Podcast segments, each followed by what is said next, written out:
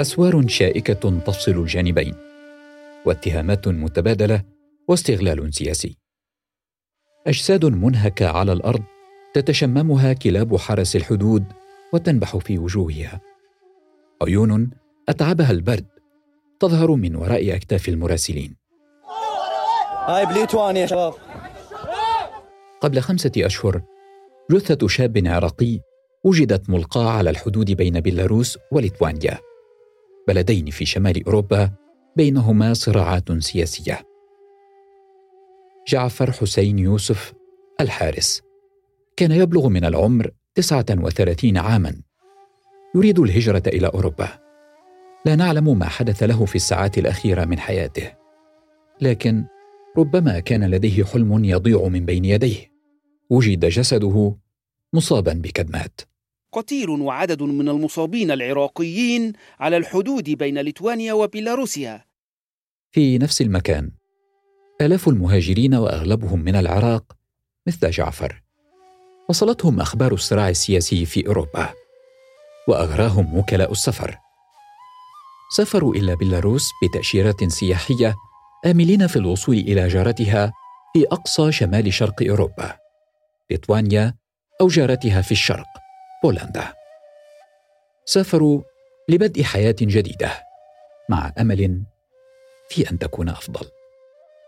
هذا العام عبر أكثر من أربعة ألاف مهاجر بوابة الاتحاد الأوروبي عبر ليتوانيا العضو في التكتل. عدد يزيد بخمسمائة مرة عن العام الماضي. من هؤلاء ما يقرب من ثلاثة آلاف عراقي.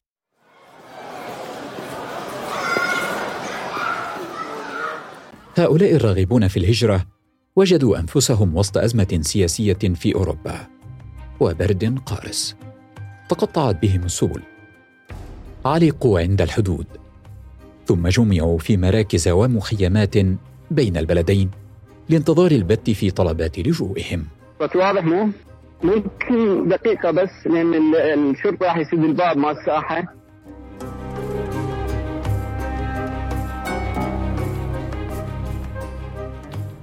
تحدثت إلى واحد من آلاف العراقيين طالبي اللجوء الآن عند الحدود الأوروبية. كاظم مازن. يعيش الآن في مركز لطالبي اللجوء في شمال غرب ليتوانيا. حكى لي فصول رحلته. وكيف وصل إلى ليتوانيا بعد تعرض حياته للخطر.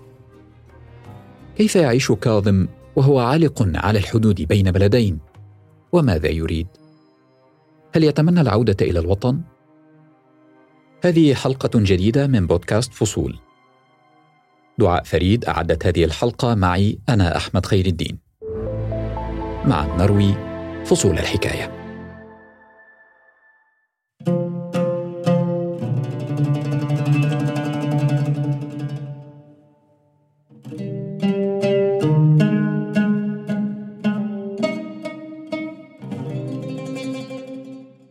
حين اتصلت بكاظم مازن لأول مرة كانت أول طائرة تقل العراقيين من بيلاروس عائدة بهم إلى بلادهم قد وصلت محطتها الأولى في مطار أربيل.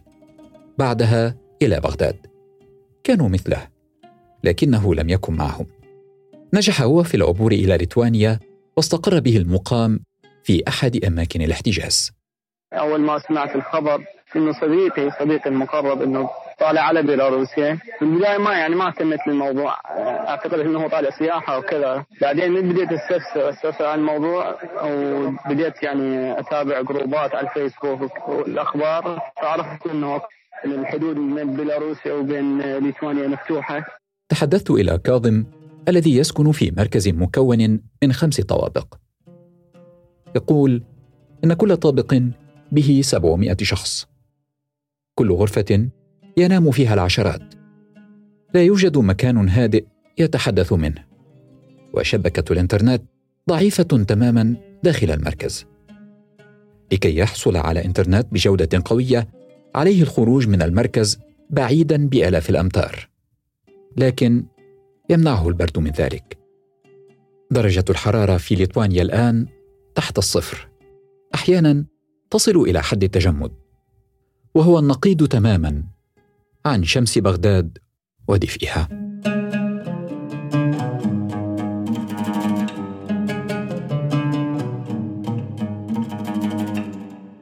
حين بدأت موجة الهجرة الأكبر في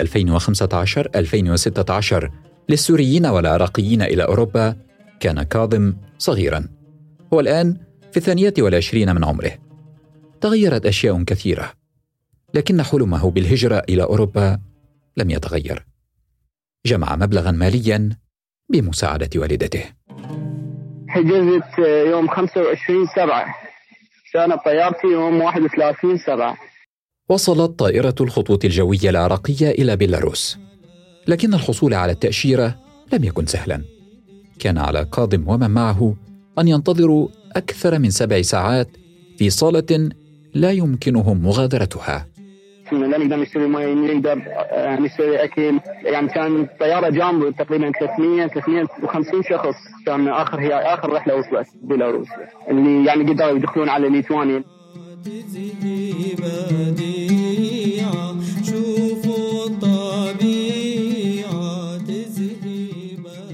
انتهى الانتظار.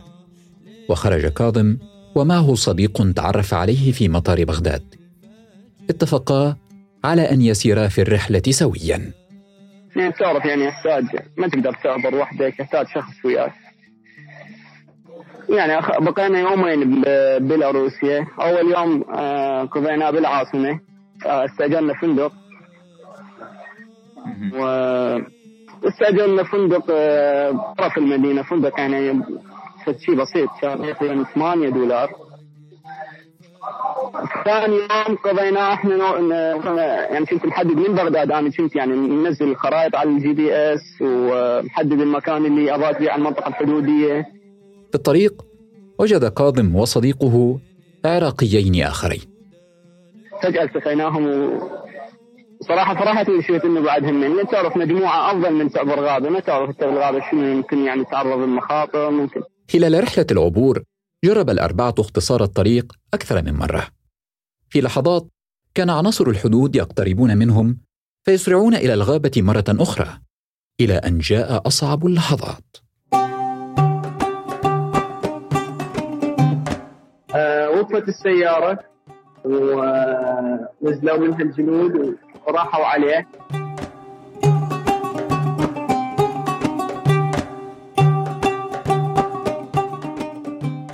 في الغابة وقفت سيارة بها جنود من حرس الحدود. كاظم وصحبته اختبأوا وظلوا ساكنين لخمسة عشر دقيقة.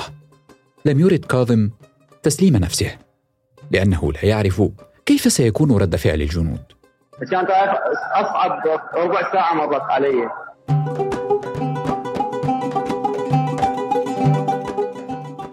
لم يضبطهم حرس الحدود.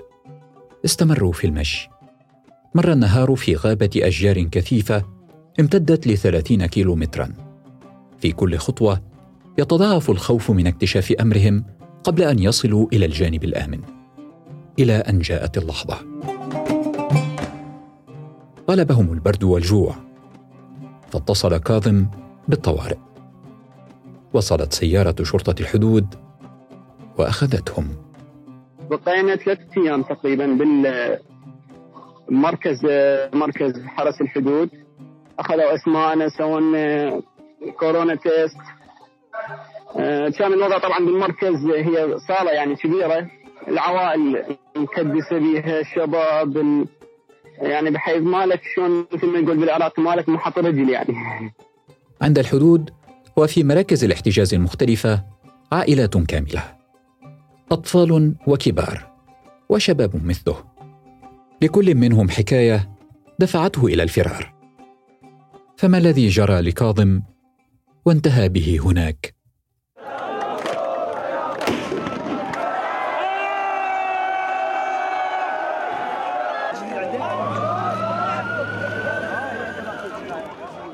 في أكتوبر عام 2019 انطلقت احتجاجات شعبية غير مسبوقة في العاصمة العراقية بغداد.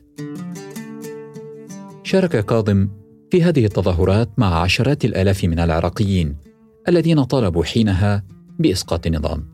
يقول: كان لديه أمل في التغيير، لكن شيئا لم يتغير على حد قوله. انقطع عن الدراسة، وفقد الثقة في نظام التعليم مع أشياء أخرى كثيرة، يبدو ناقما عليها لكنه يحلم بالعودة إلى الدراسة. أنا عايز أدرس أكيد. واحدة من يعني من الأشياء الأولية اللي حصلت في هي الدراسه موسيقى. يعني عودت وتركت بغداد.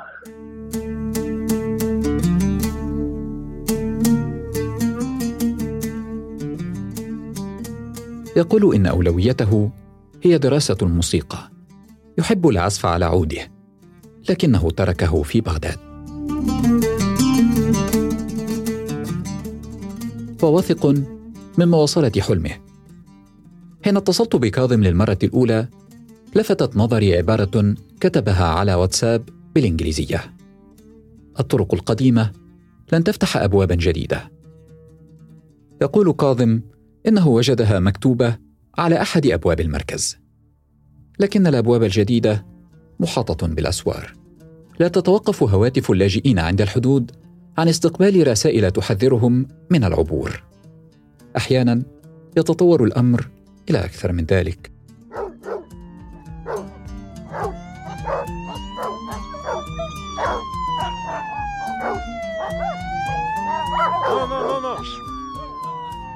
ارجع على بلادك إحنا لا نرحب بالليتوانيا بلد فقير. رجعوا يقول حسابات وهمية أنشئت على تيك توك تهددهم بالقتل إذا خرجوا إلى الشوارع. أنتم مسلمون وغير مرحب بكم. هكذا وصفوا. عاد البعض. بعد اكتشاف تلك الثغرة للعبور إلى أوروبا حاولت الحكومة العراقية إنقاذ الموقف وأعادت العالقين على الحدود إلى بيلاروس ومن ثم إلى العراق. كانت الظروف بالفعل قد اشتدت صعوبة على الكثيرين فرغبوا طوعيه في العودة إلى ديارهم. وزارة الهجره والمهاجرين استنفرت كل كوادرها وإمكانياتها من أجل التواصل مع أبناء العراق العالقين بين بيلاروسيا وليتوانيا من أجل على الأقل ايجاد حل أما للعودة والعودة الطوعية وليس القسرية والتواصل مع الجانب البيلاروسيا أو يعني لذلك اليوم العراق عبر عن حسن نواياه بإيقاف الرحلات باتجاه بيلاروسيا.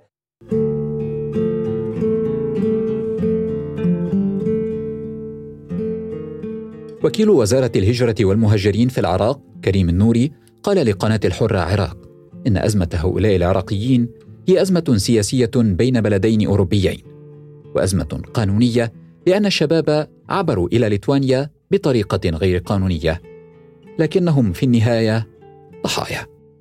أزمة إنسانية هو شباب يبحثون عن مكان آمن فوقعوا ضحية عصابات التهريب في بيلاروسيا. وأيضا عدم موافقة ليتوانيا آه، في استقبالهم.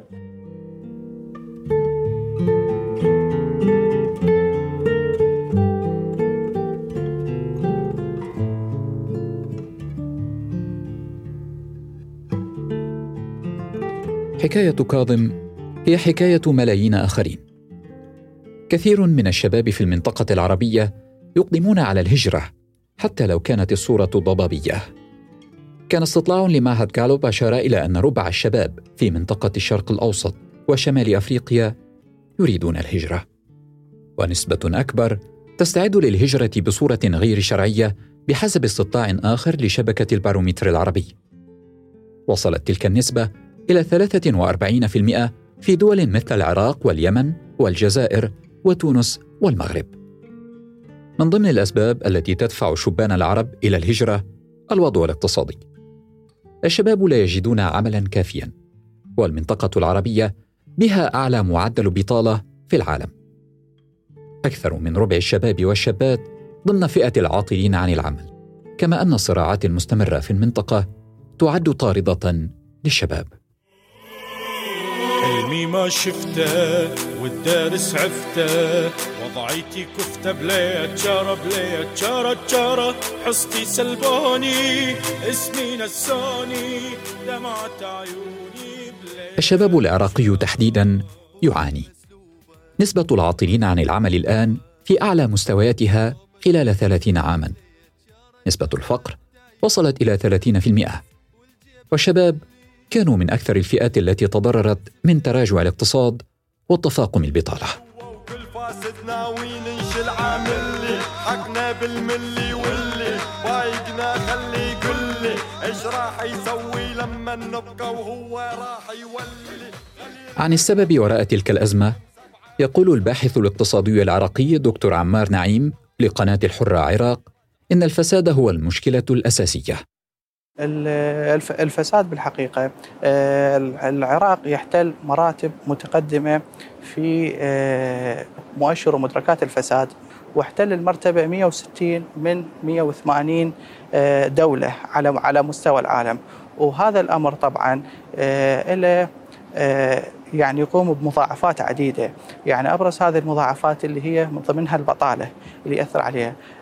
الفساد اللي هو بالعادة يكون على شكل آه، رشاوى تقدم للقطاع العام وهذه الرشاوى تزيد من الكلف الاستثمارية للمستثمر فهذا الأمر يزيد من الأسعار وبالنتيجة المواطن هو اللي راح يتحملها أو يكون المستثمرين آه، يعزفون عن الاستثمار وهذا الأمر يسبب بطالة. أسباب ربما دفعت الشباب العراقي نحو الهجرة والتشبث بأمل حتى ولو طفيف في الاستقرار في أوروبا. يصلون إلى الحدود الأوروبية ويتقدمون بطلبات لجوء. بحسب إحصاءات مؤسسة القمة لشؤون اللاجئين والنازحين في العراق، تقدم أكثر من نصف مليون عراقي بطلبات لجوء خلال الفترة من 2015 إلى 2020. منهم أكثر من 200 عراقي لقوا حتفهم خلال الرحلة. في العام الحالي فقط هاجر أكثر من 37 ألف عراقي خارج البلاد بصورة غير قانونية على حد وصف المؤسسة. بعض هؤلاء ينجح ويستقر في أوروبا والبعض الآخر يعود. هذا ما حدث لبعض العراقيين العالقين على الحدود الأوروبية حاليا ينتظرون البت في طلبات لجوئهم. هل يفكر كاظم في العودة؟ مرات تخطر على بالي بس آه، مو بسبب الظروف الصعبة اللي هنا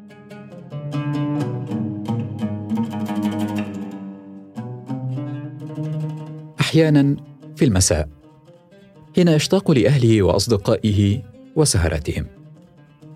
لكن يأتي الصباح فيتذكر هدفه وحلمه ويواصل السعي والصبر. من بين المحتجزين في كل هذا المبنى الذي تجول كاظم ليريني ما استطاع من أنحائه. قبلت السلطات الليتوانية أوراق ستة إريتريين فقط. العراقيون والأفغان والسوريون رفضت طلباتهم أو ينتظرون البت فيها. وكاظم ينتظر أيضا. بس أتمنى يعني إنه ينفتح ينفتح لي باب جديد يعني حياة جديدة في أوروبا. هذه تحيات دعاء فريد في الأعداد. أحمد الضامن عزف لنا على عوده السيمفونية الخامسة لبيتهوفن التي يحبها كاظم. وأنا أحمد خير الدين. دمت في صحة وعافية.